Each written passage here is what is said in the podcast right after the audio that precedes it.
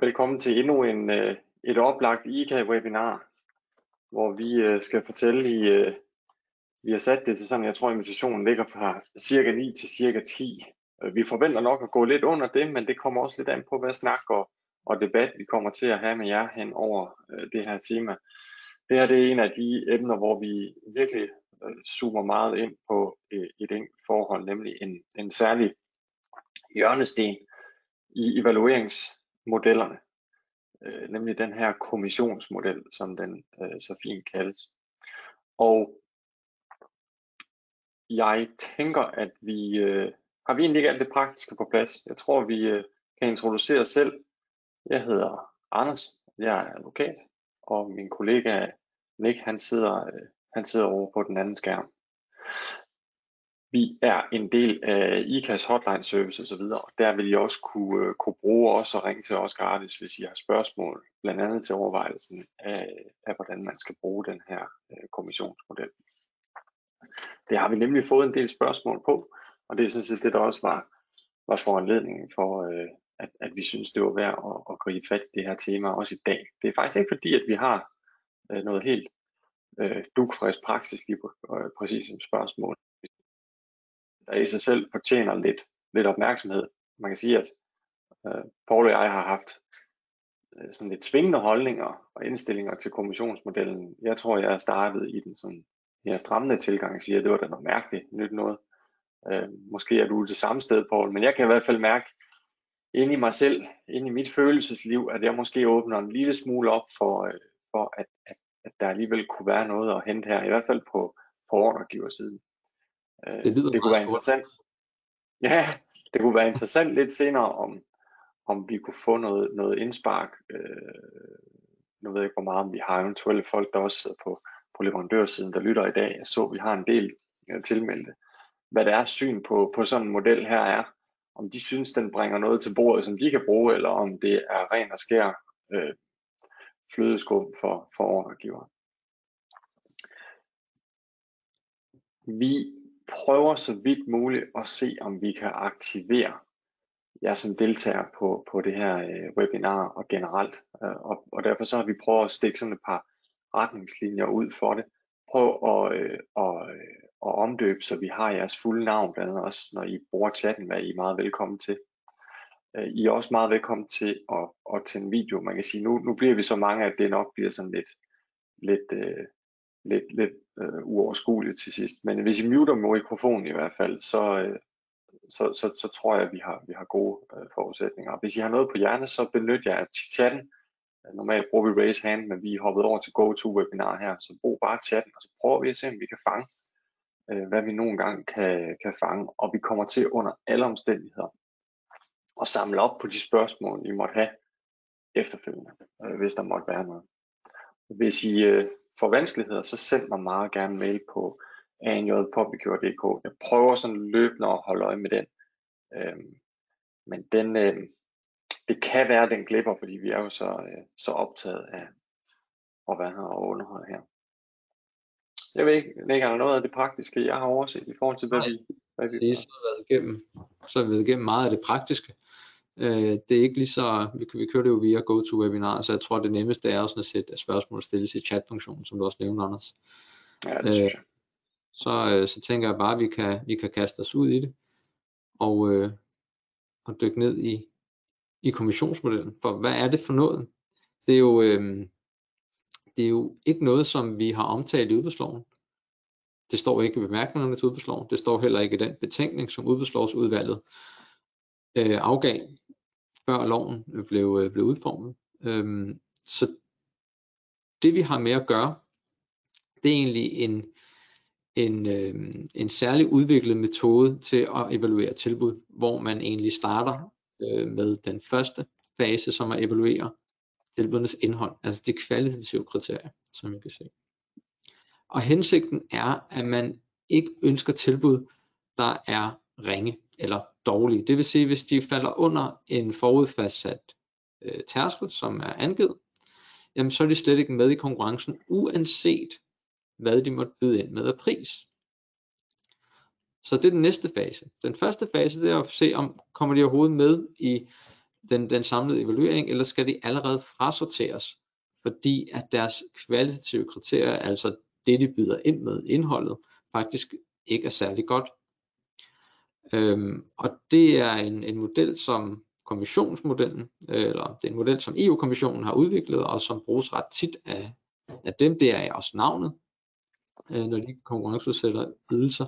Og det er den, som man i større og større grad tager til sig. Den har jo den klare fordel, at selvom man har en høj vægt på prisen, så behøver man ikke nøjes med en dårlig kvalitet, for vi oplever mange gange, at man er bekymret for, at et for højt prisfokus giver sig udslag i en alt for dårlig kvalitet. Vi har hørt øh, begrebet bambusprodukter i forskellige sammenhænge, eller at man egentlig skærer alt det gode fra, øh, fordi prisen øh, er, øh, er vægtet så højt.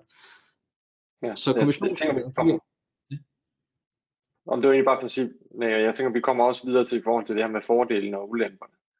Men, Præcis. men jeg synes, hvis du kunne få lidt mere ud af det her med faserne, ikke? fordi det, som jeg, sådan, da jeg første gang læste om det, så var det jo lidt oplevelsen af, at man introducerer, nu kalder vi det fase 1 og fase 2, og der er billeder af en bokser og knockout og sådan noget, men det er jo egentlig en, en yderligere fase i en udbudsproces. Er det ikke sådan, vil du ikke se det sådan? Jo, det er jo i hvert fald noget, man selv introducerer. De faser, vi kender i dag på udbudsprocesserne, de er jo defineret i loven, øh, hvad man skal igennem. Øh, det her er jo en, øh, en selvbestaltet fase, hvor man lige deler en tilbudsevaluering op, for at finde ud af, at det her tilbud et, som går øh, videre igennem nåløjet med det her fine, fine billede, som øh, du har sat ind. Øh, og det giver jo egentlig, det giver jo egentlig god mening i mange, mange sammenhænge, som du også er inde på. Vi kommer nærmere ind på, hvad det er, der kan være godt og, og skidt. Vi kommer også ind på, hvad siger praksis om det her? Hvad er det for kollisionspunkter, der kan være med de udbudsretlige principper, særligt gennemsigtighedsprincippet. Men det her sådan set i sin simple, simple form, det er kommissionsmodellen. To faser. Man starter med at se på indholdet, altså de kvalitative kriterier, og hvis de opfylder øh, det mindste niveau, man har defineret på forhånd, jamen så går tilbuddet videre til den samlede evaluering. Hvis det ikke gør, jamen så afvises tilbuddet. Så kommer det ikke videre. Ja, og jeg skal, jeg skal lige tilføje, nu holder jeg lige øje med også med, at der kommer spørgsmål. Øhm, og et ret interessant et spørgsmål, om øh, som vedkommende forstår modellen, kan vægtningen af pris og kvalitet så kun være 50-50. Og man kan sige, hvis vi, hvis vi stringent følger den praksis, der er, altså, og det kommer vi til i forhold til godkendelsen, så forholder det sig sådan, men jeg tror, vi skal prøve at tale lidt om, hvor, hvorfor det. Altså, hvad er det, hvad der skulle være en udløsende og objektiv betingelse i medfør af principperne, der gør, at, at vi skal have en ligevægtning af begge kriterier for, at vi kan introducere kommissionsmodellen. Fordi jeg kunne sagtens finde på alle mulige grunde til, at jeg overhovedet ikke synes, nogen vægtning eller nogen som helst kommissionsmodel skulle være harmonisk i hvert fald med den praksis, øh, vi har udviklet, blandt andet med, hvordan vi ser mindstekrav og for konkurrenceparametre. Men, men det er jo for så vidt rigtigt, at hvis man læner sig op af, af den praksis, der er, så skal vi have en vægtning af pris, som er, er 50-50 jeg hælder nok til mere, at det er et spørgsmål om øh, tilfælde, er måske det forkerte ord, men at det vil være en meget lænden op af den praksis, vi har, men ikke nødvendigvis funderet i den retlige argumentation, der har været for, hvorfor man har blåstemplet øh, kommissionsmodellen som sådan. Jeg tror egentlig ikke, det er det afgørende parameter. Men det, egentlig, det jeg bare lige vil dele med i forhold til faserne kort, det var, jamen forestil jer, vi har forhandlingsudbud. Øh, vi laver en videre selektion af, hvem det er, vi skal frasortere. Så vi får nogle ansøgninger. De ansøgere skal så frasorteres, dem der er uegnede. De bliver så gelejtet videre over i en indledende tilbudsfase. Så forestiller vi at kommissionsmodellen med der, det vil sige en fase på grundlag af et indledende tilbud, hvor vi også først går ind og ser på øh, den kvalitative evaluering. Og så videre derfra til forhandlinger, videre derfra fra endelige øh, tilbud, hvor vi har brugt kommissionsmodellen. Og forestiller så også lige, at vi tog en, en, øh, en hvad hedder det, øh, en e-auktion med. Altså det kan virkelig gå hen og blive transaktionsomkostningsfuldt med sådan en, en udbudsproces med alle de faser. Og det som den, den særligt har for sig, som er anderledes, det er jo, at det er jo ikke, det er jo ikke introduceret via reglerne. Det er jo ikke ligesom forhandlingsudbudsprocessen, eller at køre en e-auktion, øh, eller at køre tofasede procedurer som konkurrencepræget dialog, eller innovationsudbud, eller begrænset udbud. Det, det er, det er et, en, en konstruktion, øh, i evalueringsmodellen, som sådan, hvor man laver den her tidslomme. Og det kan man jo så have en holdning til i sig selv, om, om introduktion af faser på den måde i sig selv er godt eller i sig selv er skidt. Øh, man kan sige på, på transaktionsomkostningsdelen, så er det jo nok mere øh, ordregiver, der har noget at forholde sig til, men, men der vil man kunne omvendt argumentere og sige, jamen netop her slipper vi for at skulle bruge så forfærdelig meget tid på tilbudsgiverne, fordi vi kun skal se på kvaliteten. Men hov, det der egentlig er det mest bøvlede i en tilbudsevaluering, i hvert fald risikofyldt, det skulle ideelt set jo gerne være en kvalitativ evaluering, hvor vi skal sætte os ned og vurdere tilbuddene indbyrdes, skrive noget prosa, øh, og så også kigge dem igennem for forbehold. Det er jo der, hvor det kan gå rigtig nas, hvis man overser noget, eller øh, der kommer en indsigelse bagefter. Hvor efter 160 spørger, i hvert fald evaluering af pris jo nærmest kunne sættes på en direkte formel i, i et tidligere offentliggjort Excel-ark. Så, så det er selvfølgelig også en, en, en vinkel at have på.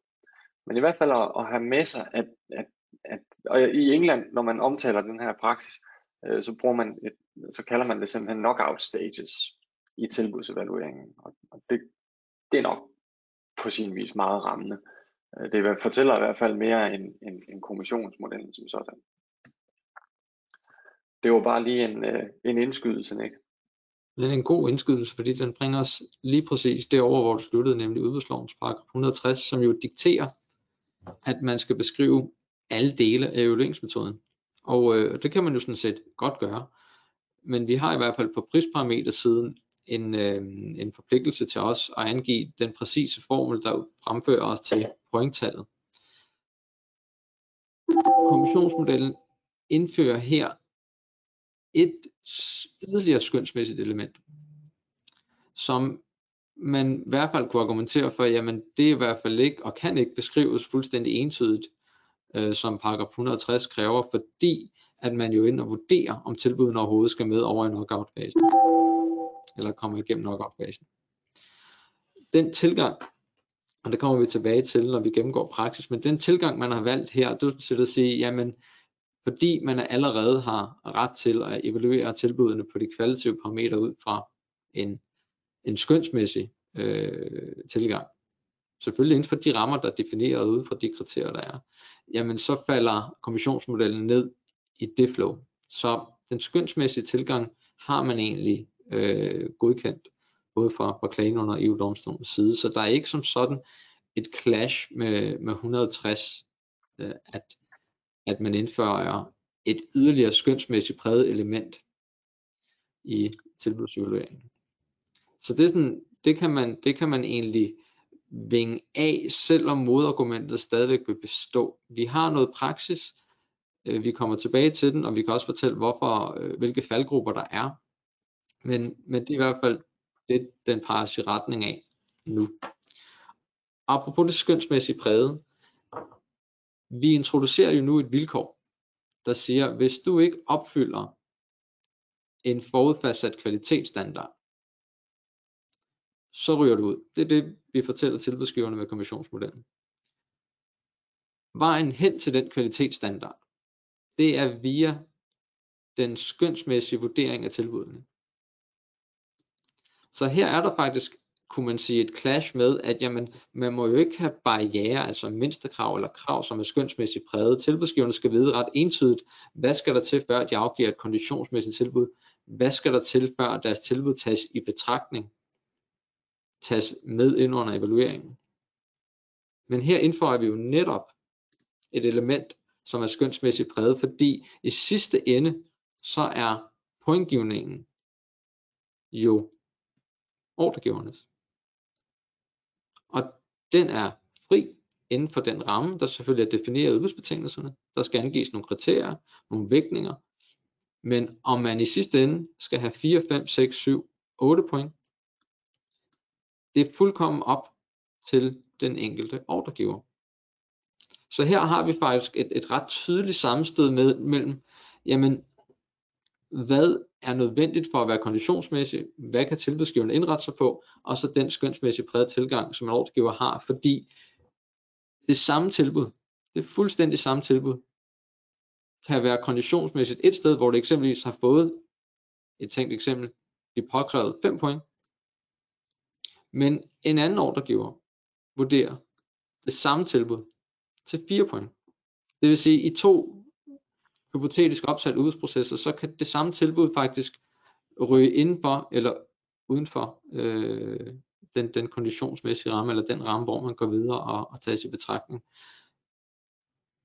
Og hvordan, hvordan forklarer man så det? Hvorfor er det så tilladt? Jamen, det beror jo nok på en, en, en kunstig og et kunstigt syn på reglerne, men i hvert fald et, et, et syn på reglerne, som man tillader, der siger, jamen det her har faktisk ikke noget med mindstekrav at gøre. Mindstekrav og krav, de skal stadigvæk være entydige, de må ikke være skønsmæssigt præget, øh, og, og, og længere er den ikke. Det her, det har noget med evaluering at gøre. Ved evaluering, så er der den skønsmæssige tilgang inden for den ramme, som er angivet, og fordi vi er over i evalueringssfæren, når vi taler kommissionsmodellen, det er vi jo selvfølgelig også, jamen så tillader man den her fase, hvor man kan fastsætte en tærskel for at komme videre eller ej. Og den, den kan synes kunstig. Jeg synes, den er kunstig. Øh, jeg kan godt se rationalet i det. Jeg synes, den, den frembyder en, en udfordring på tilbudsgiverne, fordi de strengt taget ikke ved, hvor skal det helt præcis lægge baren. Øh, og særligt ikke, hvis underkriterierne er beskrevet øh, relativt overordnet. Hvad er det så helt præcis, der lægges vægt på? Så den frembyder en usikkerhed. Øh, og den usikkerhed kan jo i sidste ende føre til det resultat, at tilbudsgiverne faktisk ikke beskriver tingene lige så godt, som man kunne have ønsket sig, uden at deres løsning eksempelvis er dårlig, men at de af den årsag falder, før de kan komme i betragtning til selve evalueringen. Og det skal vi i hvert fald være altså, opmærksom på. Ja. Hvad siger du, Anders? Jeg, jeg er helt enig. Jeg, altså, den udløsende problemstilling her, det er jo, det er jo afvisningsproblematikken. Ikke? Det er, at hvor du ender hen evalueringsmæssigt, betyder, at du på forhånd afvises, så der ikke bliver lavet en fuldstændig evaluering. Ja, jeg synes på en eller anden måde, det var i hvert fald det intuitivt, da jeg først så, øh, der, der kommer nogle spørgsmål, vi kommer til at følge op på, øhm, at man antager, at der ligger en strengere gennemsigtighedsforpligtelse i øh, det senest vedtagende direktiv. Det har man udmyndtet øh, via udbudslovsudvalget i paragraf 160, hvor man i alle henseender skal være gennemsigtig omkring sin model for evaluering. Og det man kan sige, øh, det er da i hvert fald, at den her model giver et kolossalt øh, øh mængde skøn til ordregiver til afvisning. Øh, forstået på den måde, at, at når vi evaluerer et tillingskriterium, så har vi som absolut udgangspunkt også en pris med i en eller anden forstand, sammen med flere kvalitative kriterier, så har vi et skøn, hvor vi sammenholder dem. Og her kan vi simpelthen undlade en hel, en hel, et helt element, som normalt, og måske også på normalt hensigtsmæssigt vis, burde have været håndteret af mindste krav eller krav, altså hvor man sagde, bilen skal have et eller andet sikkerhedsniveau, en eller anden normgodkendelse, og ellers så er det farvel og tak. Alternativt, så siger vi nu her, jamen her har vi et kriterium, der hedder sikkerhed. Og inden for den meget skøns øh, øh, øh mæssige, øh, skønsprægede ramme, som, som der er forbundet med det, der vurderer vi så et niveau, og det niveau omsættes til et tal, og alt under det tal, farvel og tak. Det, det er jo sådan set essensen af, hvad, hvad modellen den indebærer. Så er der mange nuancer, der er forskellige slags øh, praksis, som som fortæller os, at, at, øh, at det sådan set er okay ud fra nogle anderledes betragtninger, der relaterer sig til, at så længe evalueringsmodellen er klart og entydigt beskrevet. Jeg synes på en eller anden måde, at, at det er en model, der ligesom får snedet mindste kravene ind ad bagdøren over i øh, evalueringen, hvor vi har lidt mere skyld. Og det, der er et eller andet ved mig, der, der kvies ved det. Men lad mig fastslå igen, vi har praksis, som i vidt omfang godkender det her. Et af de spørgsmål, som der kom ind, det er, hvorfor bliver den også kaldt for Randers-modellen? Det er der en heldigvis en mere simpel forklaring på, og det er fordi, at den 25. april 2018, der afsagde klagenævnet øh, forløbig kendelse i Bilbutikken AS mod Randers Kommune, hvor Randers Kommune netop havde lavet en model, øh, som, som lænede sig øh, enormt meget op af, af kommissionsmodellen. Jeg tænker, at jeg lige vil tage nogle spørgsmål nu, ikke? også selvom de måske kommer til at foregribe noget af det andet, vi skal tale om. Jeg synes, det er vigtigt med den. Kan du høre mig? Ja. Øh, der er en, der skriver, vi har desværre allerede set, at man har brugt dette til at forfordele en ønsket tilbudsgiver, hvorved man kvalitativt sorterer en tilbudsgiver fra, der ellers ville have vundet. Det besværliggør en klagesag, da den kvalitative vurdering er svær at indfægte, i det tilbudsgiver har bevisbyrden, og ordregiver har brede rammer til at vurdere. Fra tilbudsgiversiden er det, vil jeg sige, øh, sømmet på hovedet. Det, det, det, var, det var sådan set, jeg ved ikke, hvad du tænker, Nick, men det var, det var sådan set også det problem, jeg så. Det, det, det, det misbrugsrisikoen, hvis man, hvis man skal være sådan, tage den rigtig kyniske brille på. Øh, så, så, så tænker jeg, at, at det, det, det er sgu meget godt øh, formuleret det her. Altså, det giver en utrolig vid adgang til at, øh, at lave en, en, en frasortering, fordi man kan, man kan maskere det i den her hvide skønsbeføjelse. Jeg ved, om du har noget til det, Nick. Jo, jeg vil sige, det er jo ikke, det er jo ikke kun i, i den her, øh, den her aller yderste misbrugsrisiko, der den her kynisme, øh, som nok er i de aller sjældne tilfælde, at vi kommer derud, men, men selve brugen af kommissionsmodellen giver en usikkerhed for tilbudsgiverne i forhold til, hvad de skal gøre for at kunne komme med i evalueringen. Øh, og, og det er den usikkerhed, det er den i, i yderste instans uigennemsigtighed, som måske fører til et dårligt resultat, men måske fører til, øh, at, øh, at man får nogle ringere tilbud øh, i sidste ende. Så man skal i hvert fald gøre sig klart, at det for tilbudsgiveren skal fremstå klart, hvad der skal til, før de når op på de pointtal, som man definerer som en mindste bar. At det, det, bliver, det, bliver, det bliver rigtig vigtigt. Og der kan det så godt være, at man er nødt til at stramme skønnet eller indsnævre skønnet øh, lidt mere, fordi at man i højere grad skal fortælle, hvad det er øh, ved, øh, ved et tilbud, der vægtes positivt øh, eller ej. Altså en lidt mere detaljeret beskrivelse under kriterierne. Det har sådan nogle ja, andre. Ja, nemlig. Der, der kommer også et ret godt spørgsmål. Øhm, der er en, der spørger omkring eksempler på, hvad ydelser, hvor den her model med fordel kunne anvendes, eller er blevet anvendt i praksis. Og jeg synes, det er vigtigt at sige, at den her model, øh, som den er fastslået, som den er behandlet i praksis, lægger ikke op til at lade sig begrænse, i hvert fald som jeg har forstået det, så må du korrigere mig for mit idioti, men, men lader sig ikke op til at begrænse sig til særlige typer af ydelser. Men mm, nu foregriber vi måske lidt fordele og ulemper. Den lader sig da måske i hvert fald begrænse til elementer, hvor vi har svært som ordregiver ved helt præcis at kravspecificere, hvad det er, vi gerne vil have, men at vi i hvert fald ved, at det er væsentligt, at vi får det rigtige det lyder på en eller anden måde lidt mærkeligt. Men, men det kan give god nok mening i forhold til komplekse ydelser, hvor man er på udbaner, hvor man måske normalt vil være tilbøjelig til at sige, her var en konkurrencepræget dialog relevant. Her kunne vi egentlig godt tænke os måske normalt at gå over i en proces, der relaterer sig til, at vi ser, hvad tilbudsgiverne kan hjælpe os med i kravspecifikation. Det er det, som er essensen af en konkurrencepræget dialog. Det tager længere tid. Der skal også være nogle særlige betingelser opfyldt. Der er nogen, der mener, at man altid kan finde på en, en grund til at gå over i, i at bruge forhandlingsudbuddet. Men formelt set skal der altså være en begrundelse. Og der kan kommissionsmodellen være, måske være et alternativ til, til den her konkurrenceprægede dialogmodel, fordi vi, vi slipper tilbudsgiver lidt mere fri. Vi lemper måske og har færre krav. Til gengæld så giver vi os selv adgang til at afvise tilbudsgivere, som ikke når en vis øh, øh, øh kvalitetsniveau uden at vi nødvendigvis har stillet så mange krav til kvalitetsniveauet, men egentlig bare et, et kriterium. Jeg kan sige i forhold til den praksis, vi har i Danmark med Randers, øh, så var det i hvert fald øh, relateret det sig til biler. Og der, som jeg husker det, så var det i hvert fald øh, underkriterier blandt andet på sikkerhed, hvor man sagde, at der skal I simpelthen nå et, et niveau for at, øh, at komme videre i, øh, i processen. Jeg mener, det var mindst 5 point. Præcis. Men Anders, hvis du hopper og, videre til slides med fordele. Var der, jeg husker det. Jeg prøver bare at samle op på spørgsmålet. Jeg ved godt, der er, der er mere. Der er en, der skriver, jeg forstår ikke helt, hvorfor I mener, at vægtning skal være 50 og kvalitet 50. Jeg håber ikke, at det var sådan, jeg fik det sagt. Fordi det var ikke, hvad jeg mente. Øh, der er praksis, hvor det har været modellen. Men, men det jeg prøvede i hvert fald at sige, det er, at der er ikke, når man læser EU-domstolens eller klagenævnens præmisser, for mig at se, holdepunkter, der siger, for at den her model kan bruges, så skal der være fastsat en vægtning 50-50. Det er ikke sådan, jeg læser det. Man kan jo godt have en enorm bogstavtro tilgang til praksis godkendelsen af kommissionsmodellen, og så sige, okay, vi kan se, at klagen er OK for den i den her kendelse, og der var modellen præcis sådan her. Det vil sige, at den gælder i hvert fald for biler, hvor sikkerhed indgår.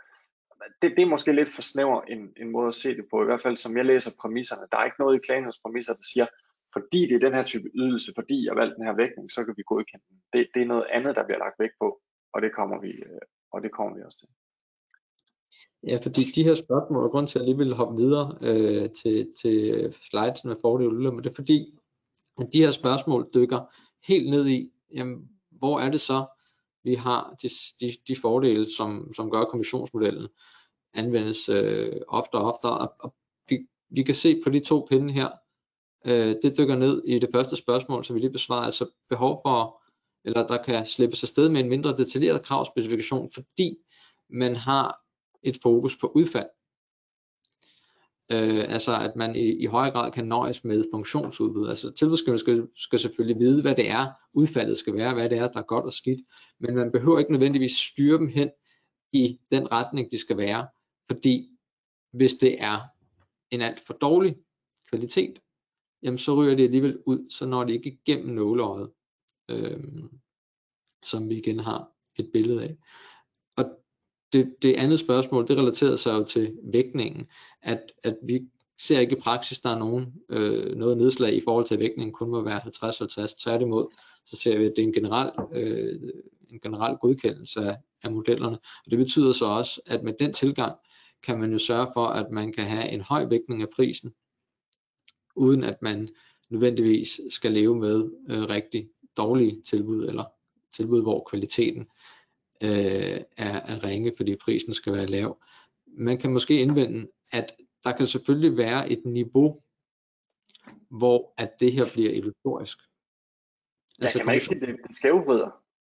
Ja, præcis. Altså hvis vi, hvis vi bare øh, leger med, med tallene og siger, at vi har en, øh, en pris, som fylder 90% og en kvalitet, som fylder 10%, så er det meget, meget indgribende for tilbudsgiverne, at et parameter, der fylder så lidt i en tilbudsevaluering, nærmest kommer til at være øh, styrende for, hvem der får lov til at afgive tilbud. Øh, man kunne også indvende, at, at øh, et, et kvalitetsparameter helt ned på 10% i forhold til en prisvirkning på 90, øh, er illusorisk i forhold til, at, at det, det skal tillægges betydning, og en, en betydning af den art, at det igen fører til afvisning. Så der vil helt sikkert være en grænse, og, og øh, øh, øh, hvis man ser på den måde, klagenævnet går til sagerne på, hvor der også nogle gange er en, en pragmatik, så må man også forvente, at de vil stå ned på tilfælde, hvor man, som Anders også siger, på en eller anden måde skævbrider øh, evalueringen eller konkurrencen, eller ikke er tilstrækkeligt detaljeret. Så vi skal, vi skal nok leve med et eller andet balanceleje, men igen, det er ikke Tror du det? Altså 160 stykke 2, klart og entydigt beskrevet i udbudsmaterialet, 160, du går fri. Ja, jeg vil være, jeg vil være bekymret for det, fordi 160, den, den siger jo som udgangspunkt, så kan den ikke tilsidesættes. Men igen, det er et udgangspunkt. Vi har altid de her undtagelser, det er jo charme ved udbudsreglerne, vil jo nogen mene, at intet er sikkert, øh, før klagenævnet har talt. Det er ikke nogen charme. sagt med, med et glimt i øjet. Men der er altid veje øh, til at, tilsidesætte evalueringsmodeller. Vi har der også praksis på, at klagenævnet har tilsidesat evalueringsmodeller, hvis udfald har været, øh, har været i, øh, anderledes end det, der har været lagt på dagen, selvom man har beskrevet vejen dertil. Så, så jeg vil, øh, jeg vil ikke med fuldstændig ro i maven lægge mig på meget ekstreme øh, vægtninger på, øh, på, øh, på kvalitative parametre og pris. Men, øh, men Ej, det kan jo være, når det kommer til at godkende det også en dag. Ja, man kan sige, at udbudslovsbemærkningerne er jo ikke ligeglade i forhold til for eksempel underretningsforpligtelsen, hvis du har en høj vægtning af et kriterium, øh, men tilbudsgiveren vinder på alle andre kriterier, og dermed vinder ikke, så skærper man begrundelsespligten. Så der, der virker til i lovbemærkningerne i hvert fald at være et eller andet øje på indbyrdes vægtning og samtidig konklusionen af, af evalueringen. Og når du så introducerer sådan en game changer, som den her udelukker, den kan være, hvor du i princippet losser potentielt set en ekstremt billig tilbudsgiver ud. Altså forestil dig en tilbudsgiver, der virkelig bonger ud på, på, på priskriteriet i forhold til de øvrige, men som slet ikke kommer i betragtning. Så hvis prisen den vægtede 80% eller 70%, så er det alligevel vildt nok, altså det er en vild nok model, at, at sådan en tilbudsgiver bliver losset ud uden at man overhovedet øh, gidsner om, om prisen, foretager en, en vurdering af prisen, allerede fordi man mener, at kvaliteten ikke når et eller andet level. Ja, og, og, og bare for at sætte det på spidsen med, med et, et konkret eksempel, et eksempel, som, som jeg i hvert fald personligt tror, at klagen nok vil, vil slå ned på, men i hvert fald under alle omstændigheder nok ikke er særlig hensigtsmæssigt. Forestil jer to tilbudsgivere, øh, hvor den ene øh, får øh, pointtallet 5, og det er lige akkurat det, der skal til for de kvalitative kriterier for at komme i evalueringen, og den tilbudsgiver har en absurd høj pris. Øh, eller i hvert fald en pris, der er langt højere end tilbudsgiveren, der får pointscoren 4, som har en langt lavere pris. Øh, og hvor priskriteriet vægter 90%. Der, der, der er en, en, det skuer i mine ører, at det her i, i så at sige vil flyve øh, frit igennem, selvom vi ikke har noget i den praksis, vi kommer til, der viser os, at den ikke gør. Vi har en, en, en meget generel praksis, en meget generel udtalelse om, at det her er lovligt, så længe det er forudfastsat, hvad det er, øh, der skal til for at, at nå over kvalitetsstandarden. Men, men en ting er jo så, flyver det så, er det lovligt? En anden ting er jo så, at den her ene pointangivelse fører til en langt dyrere løsning, som man måske, havde man ikke fastsat pointtærsklen på 5, øh, godt kunne have levet med alligevel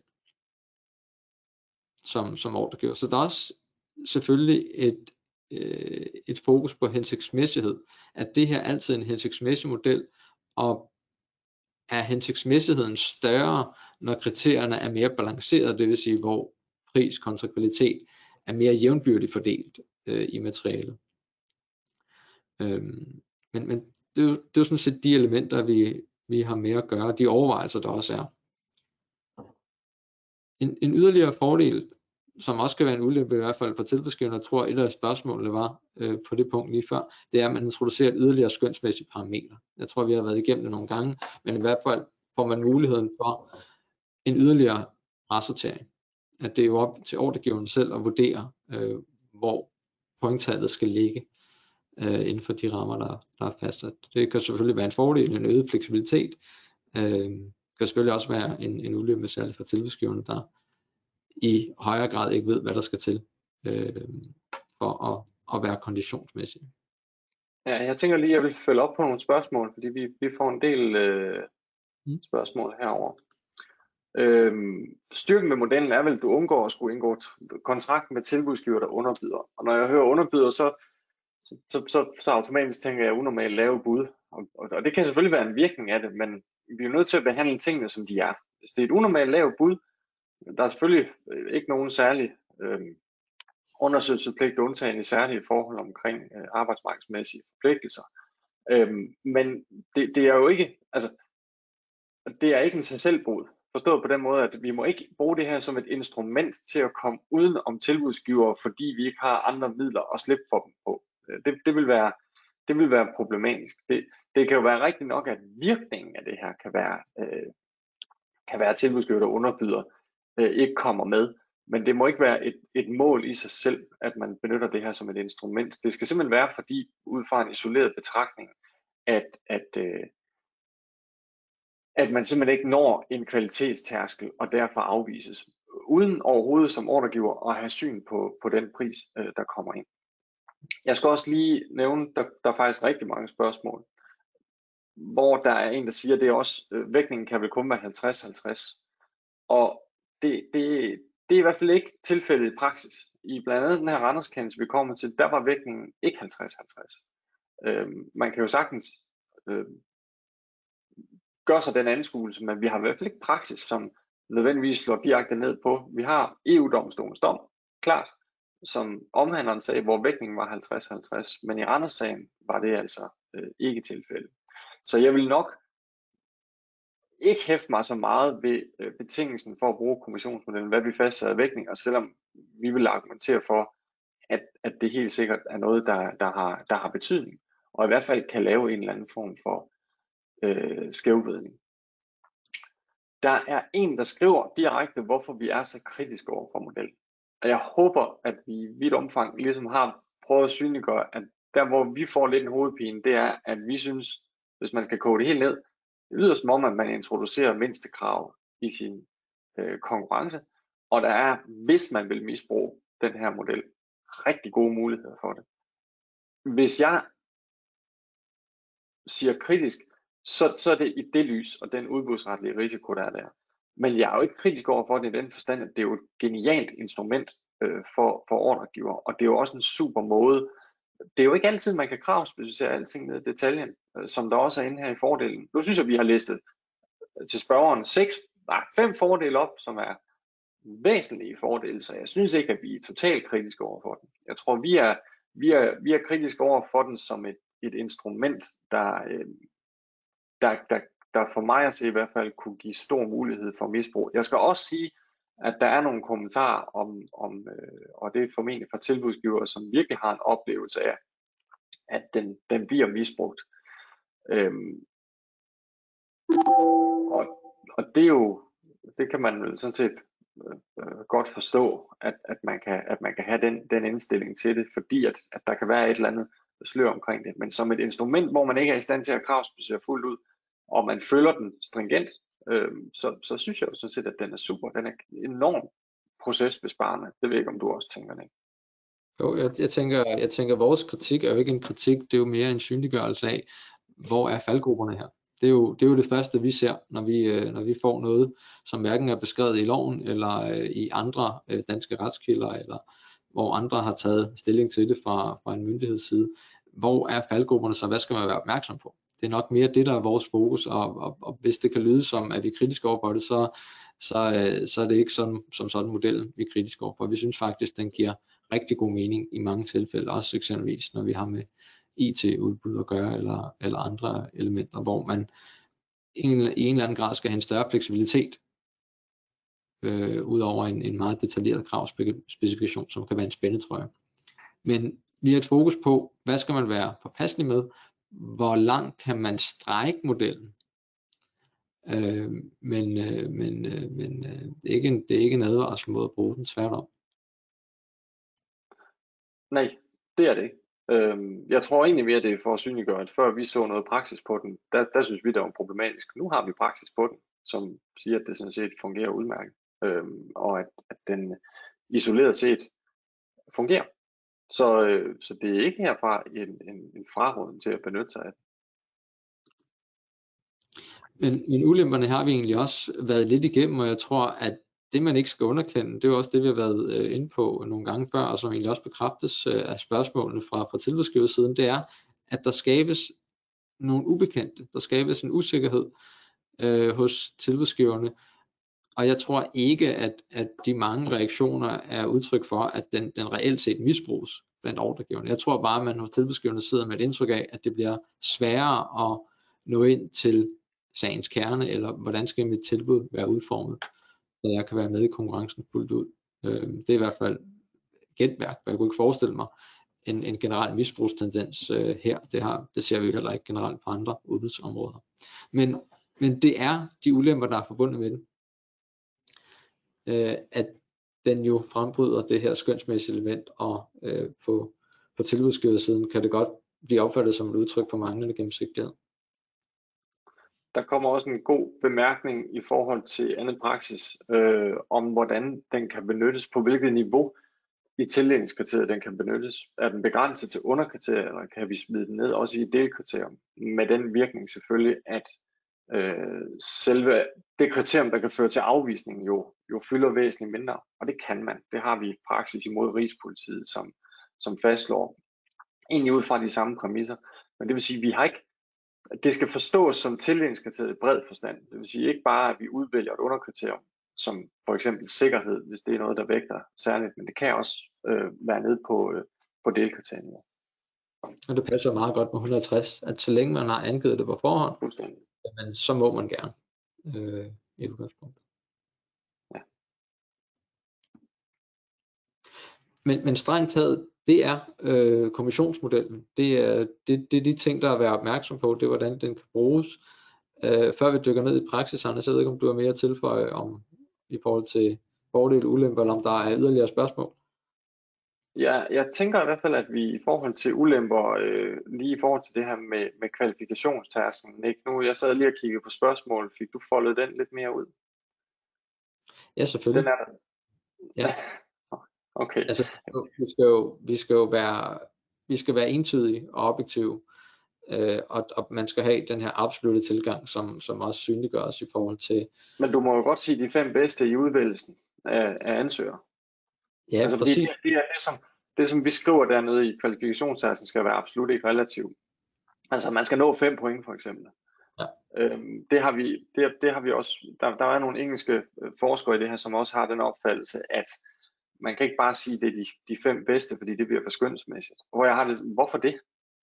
Altså de fem bedste er vel dem, der opnår de fem bedste point på det givende øh, kriterium. Så kan man sige, at det er jo kun de fem bedste inden for den kreds. Så, så det er jo ikke udtryk selvfølgelig for en, en absolut kvalitet, man efterspørger. Man vil, man vil bare ligesom presse dem opad i at, at levere den bedste kvalitet. Øhm, det, er vel, det er vel lidt ligesom ikke at sige, at vi har et, øh, vi har et prisloft, og så får vi bare den pris. Altså hvis vi siger, at prisloft er en halv million, så kommer det jo til at koste en halv million. Det er jo sådan det klassiske er, ikke? når vi taler i, i byggebranchen og så videre.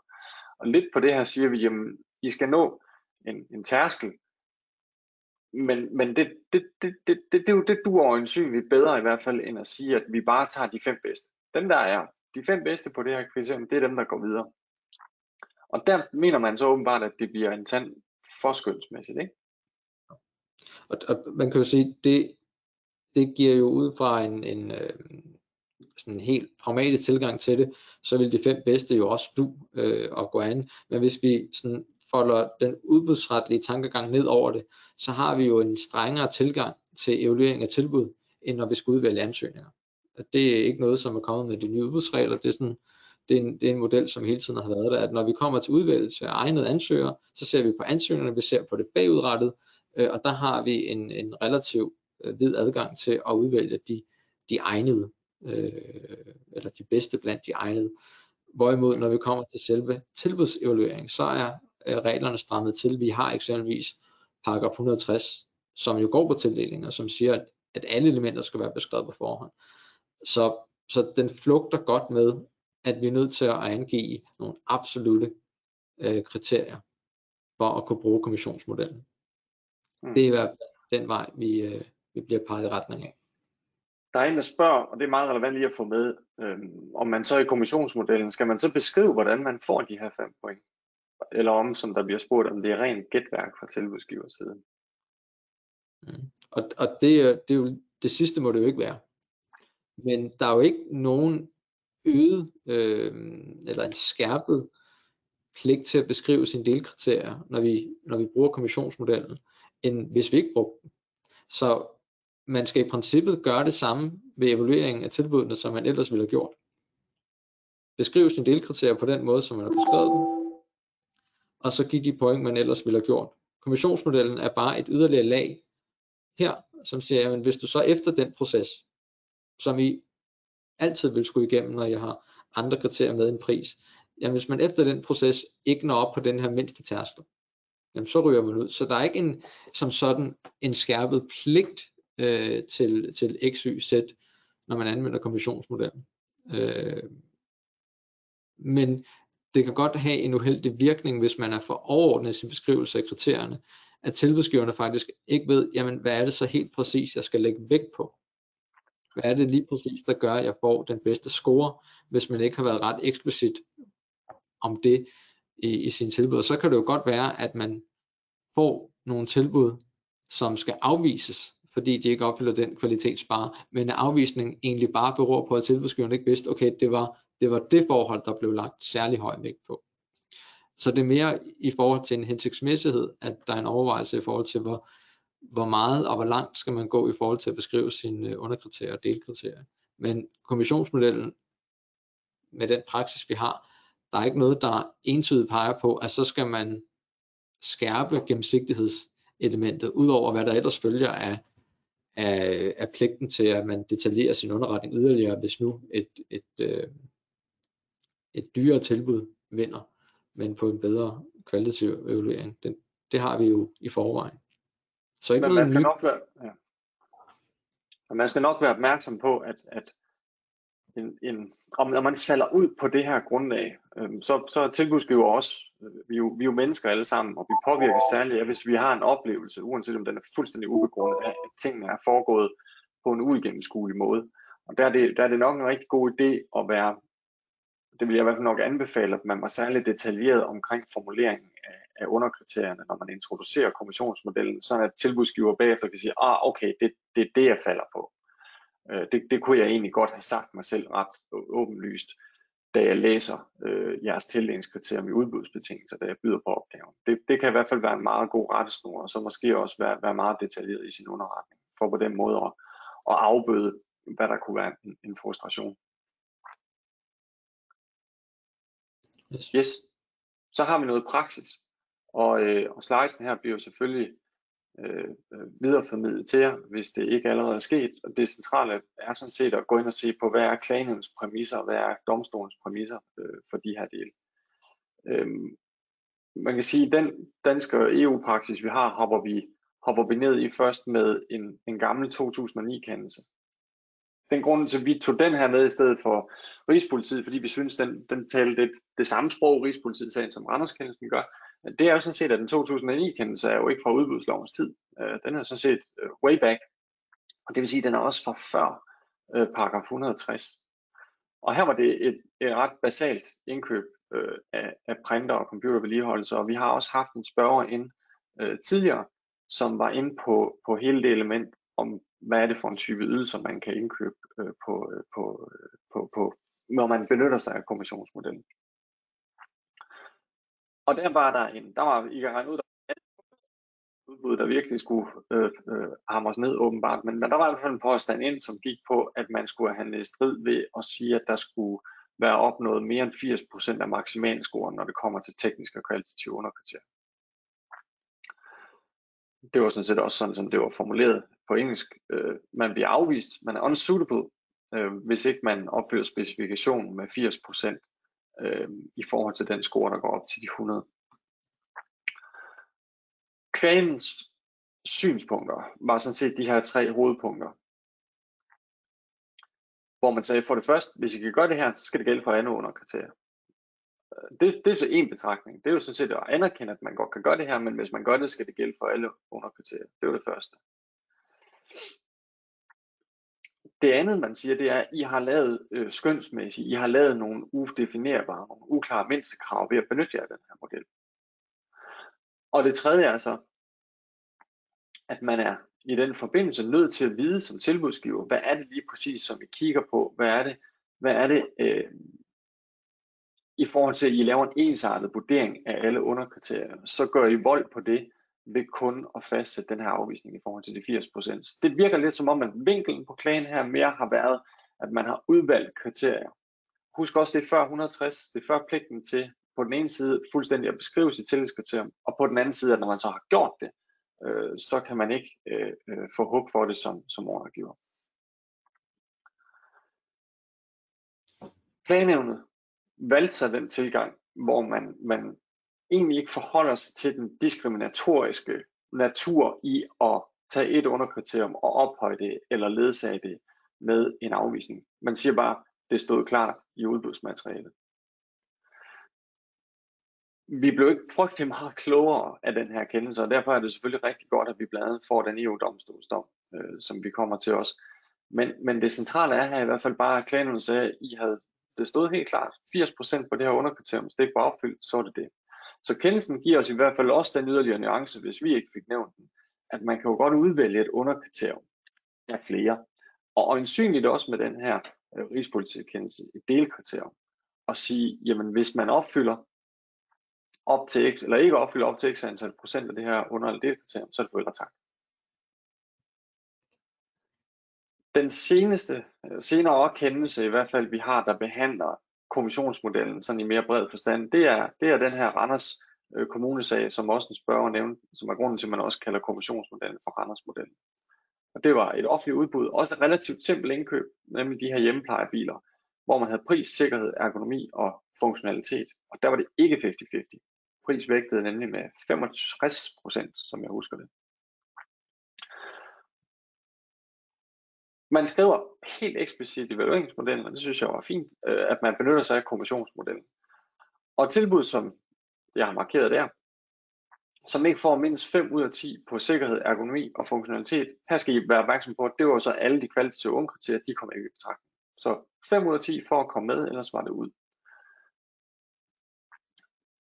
Man vælger så en successiv vurdering til sidst. I kan se, at man kigger på sikkerheden, så kigger man øh, på ergonomien og så funktionalitet. Og man kan sige, at det giver jo god mening i den forstand, at vi tager det øverst vægtede sikkerhedskriterium, og hvis det ikke er over 5%, så er der vel nok heller ikke grund til at befatte sig med de øvrige kvalitative underkriterier, og slet ikke øh, priskriteriet i øvrigt.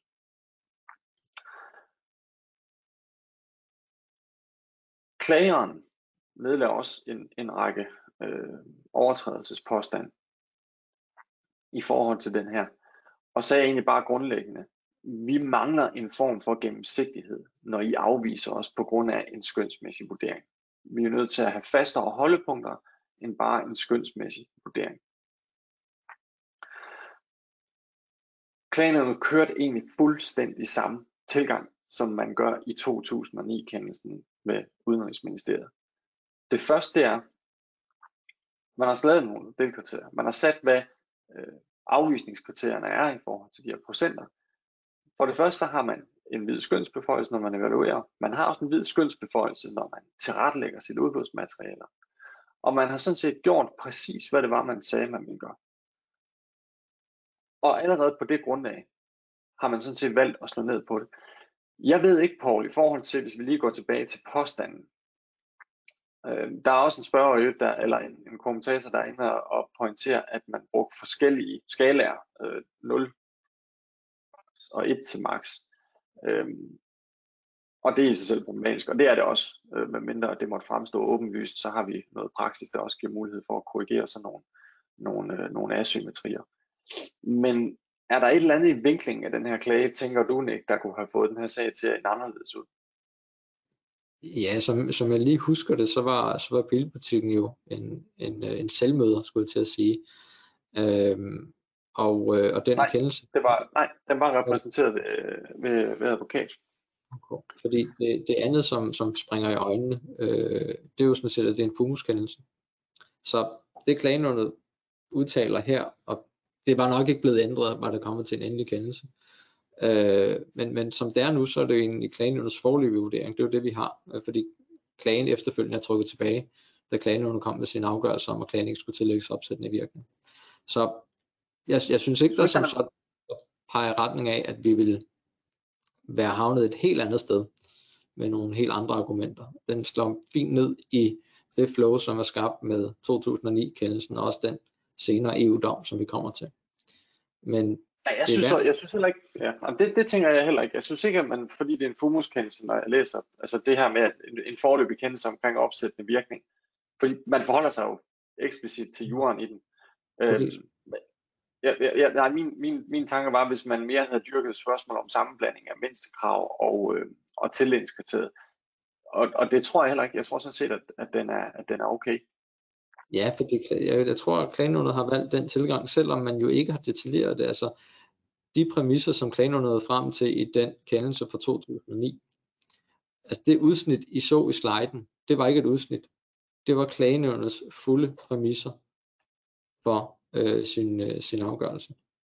Mm. Det var egentlig bare, at det var klart beskrevet i materialet, så vi har ikke et meget dybt indblik i, hvad det er for bagvedliggende faktorer, klanerne har indregnet. Men jeg tror ikke, at hvis der er blevet problematiseret det med mindstekrav og, og, og skønsmæssig kontra afvisning, at det havde ført til et andet resultat. Øh, jeg tror egentlig, det er en model, som man, øh, man i hovedsagen har blåstemplet. Ser du, at den bør stille særlige krav til, man så, hvordan man evaluerer prisen? Øh, heller ikke som sådan. Altså, og her falder jeg tilbage på paragraf 160. Jeg ser, at der kan være nogle uhensigtsmæssigheder, når man bruger modellen, som er uhensigtsmæssigheder og ikke ulovligheder. Øh, men, øh, men, øh, men jeg ser ikke som sådan, at der stilles, heller ikke med den praksis vi har, stilles skærpede krav, ud over hvad der ellers ligger i lovgivningen når man bruger den her så, model. Så du tænker, nej, så du tænker en relativ model eller en lineær interpolationsmodel osv. Alt, alt det kan vi bruge ligesom vi plejer, uanset at vi har den her faseopdeling. Ja, fordi det er jo faseopdelingen før øh, prisevalueringen. Så det er jo, ja. øh, det er jo, det er jo vejen derhen. Ja. Og jeg tænker, vi, vi vil runde af med, øh, med Montes-kendelsen, som er, hvad skal man sige, den, der, der knæsætter øh, selve kommissionsmodellen sådan i, i bred udbudsretlig praksis. Og igen, påfaldende nok, har vi egentlig også en relativt simpel anskaffelse i mobilt udstyr og grafiske skilte. Man kunne ellers godt forestille sig, kunne man ikke et IT-system, hvor man havde svært ved at, at sådan få helt hånd om, om alle de krav, man måtte have til de tekniske dele, og hvor man også kunne være lidt bange for måske at stille en masse mindste krav til tekniske funktionaliteter, i frygt for, at, at man begrænsede konkurrencen, eller at man, man egentlig kunne have brugt tilbud til at blive klogere på, hvad, hvad, hvad tilbudsgiveren rent faktisk kan tilbyde set i forhold til ens behov. Men altså her har vi igen øh, en, en relativt simpelt øh, indkøb. Så igen havde vi, her havde vi så den her 50-50 fordeling. Og hvor man sagde, at alt under 35 point, det er sådan set farvel og tak.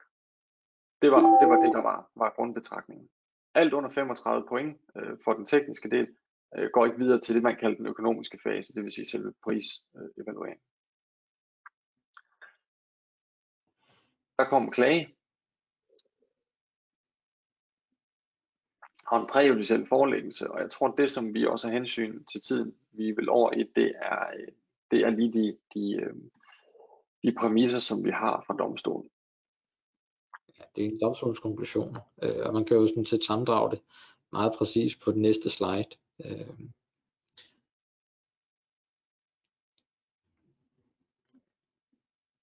hvis du kan videre til, ja. til Nå, no, sorry. At domstolen når egentlig frem til, at det er okay. Det er okay, det der er sket, og det er, det er med afsæt i det nuværende direktiv, og man må gerne, som vi har understreget her, øh, angive, at, øh, at tilbud øh, skal opnå et på forhånd fastsat minimum antal point. Men og at, prøv, det, det er bare minimumskrav til den tekniske vurdering i udbudsbetingelser, ikke? Altså det, det er meget sådan sprogligt. Så, altså det, ja. det, det er interessant, at bliver, nej, men der, der bliver talt mere om kravopfyldelse øh, i, i teknisk, altså det her med, med at henvise til de tekniske specifikationer og den adgang, man har til at fastsætte det, hvor jeg synes Randers-modellen i højere grad, og, og også 2009-kendelsen med Udenrigsministeriet, betoner hele problematikken om friheden til at fastsætte evalueringen. Og jeg synes, det taler lidt ind i det interessante i den her, at, at vi befinder os i, i, i vi, vi har to universer, der på en eller anden måde smelter sammen. På den ene side spørgsmålet om, hvordan vi evaluerer, og på den anden spørgsmål om, hvordan vi ser på, at krav er opfyldt eller ikke er opfyldt. Men den her, kend, eller, øh, den her dom taler også i klare sprog, at man kan godt for så vidt angår, at det er fastsat klart og entydigt i, i udbudsmaterialet, benytte sig af den her model, hvor man afviser tilbud, der ikke opnår en eller anden form for, for, øh, for tærskel på, på, på den tekniske kvalitet. Og det er i hvert fald den praksis, vi har. Det er i hvert fald det, de, de, øh, de, de ting, der peger i retning af det. Øhm, jeg, synes, jeg synes ikke noget af den praksis, vi har, i detaljer behandler eller forklarer de her underliggende forhold, som vi har, som vi har dyrket, som man egentlig godt kunne problematisere. Øh, der, er den, der er den trods alt lidt for overfladisk. Øh, men, men resultaterne er klare. Er klare. Ja, du kan vente, ja, du kan vente om, at jeg synes egentlig, at når man, når man ser på, hvad, hvad er argumenterne, altså fordi det er jo, i argumenterne finder vi jo også begrænsningerne. Så hvis, hvis domstolen havde sagt, at fordi I har gjort sådan og sådan og sådan, I har vægtet på den her måde, eller I har brugt den her prisevalueringsmodel efter fasen, jamen mm. så er modellen lovlig. Men, men det er ikke det, der står, som jeg læser øh, præmisserne i den her. Og det vil sige, jeg tror, at folk, der, de spørgsmål, der også er kommet her, relaterer sig meget til, jamen, hvordan skal vi fastsætte kommissionsmodellen? Hvad, hvad, hvad, hvad, er, hvad, hvad er den matematiske model over på prisen, når vi bruger den her? Og det synes jeg egentlig ikke, at praksis sætter hemsko op over for, at vi kan være kreative som ordregiver der. Eller at vi i hvert fald ikke kan benytte os af de andre modeller, vi ellers har i Konkurrenceforbrugerstyrelses vejledninger, eller hvor det nu måtte være, om hvad for nogle forskellige prisevalueringsmodeller vi må kombinere med kommissionsmodellen. Forstået på den måde, at man skal ikke være så bange for, at praksis indsnæver kommissionsmodellen til, til en helt specifikt øh øh, øh, øh, øh, litani, som vi skal følge. Nej, det centrale er sådan set bare, at I kan introducere et, et, en, en frasortering en knockout-fase, der baserer sig på den kvalitative evaluering, hvis man ikke når et vist niveau på delkriteriet eller på, på underkriterieniveau. Så det kan godt være, at vi lyder kritiske. Min konklusion er lidt instinktivt, så synes jeg, det var noget mærkeligt noget øh, med den her kommissionsmodel. Men øh, det er EU-domstolen ikke enig med mig i, og klagenævnspraksis er i hvert fald, som det ser ud, heller ikke enig i. Så det er en model, som man kan benytte sig af. Øh, og så er der jo sikkert afarter af den, som man kan finde på, der, der er mere problematiske end andre. Det var enormt godt timet, for klokken er lige slået 10.